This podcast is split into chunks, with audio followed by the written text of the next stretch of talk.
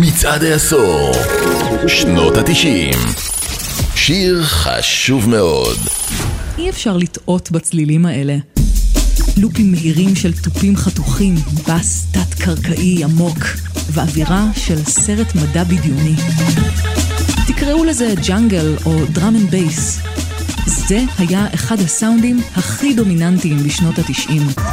השיר הכי חשוב ובולט בסגנון הוא Inner City Life של גולדי, שיצא ב-1994. השיר יצא רגע אחרי שה drum and bass עזב את השוליים, ורגע לפני שהפך לפסקול של אין ספור פרסומות לחטיפים ומכוניות. ולמעשה חשף דור שלם של מאזינים לסגנון חדש שלא הכירו.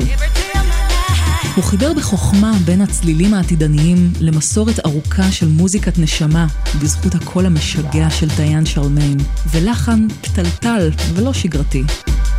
גולדי החל את ה nineties כמוזיקאי מחתרתי שמקדם תנועה מוזיקלית חדשה, וסיים אותו כסלבריטי וכוכב קולנוע שהשתתף גם באחד מסרטי ג'יימס בונד.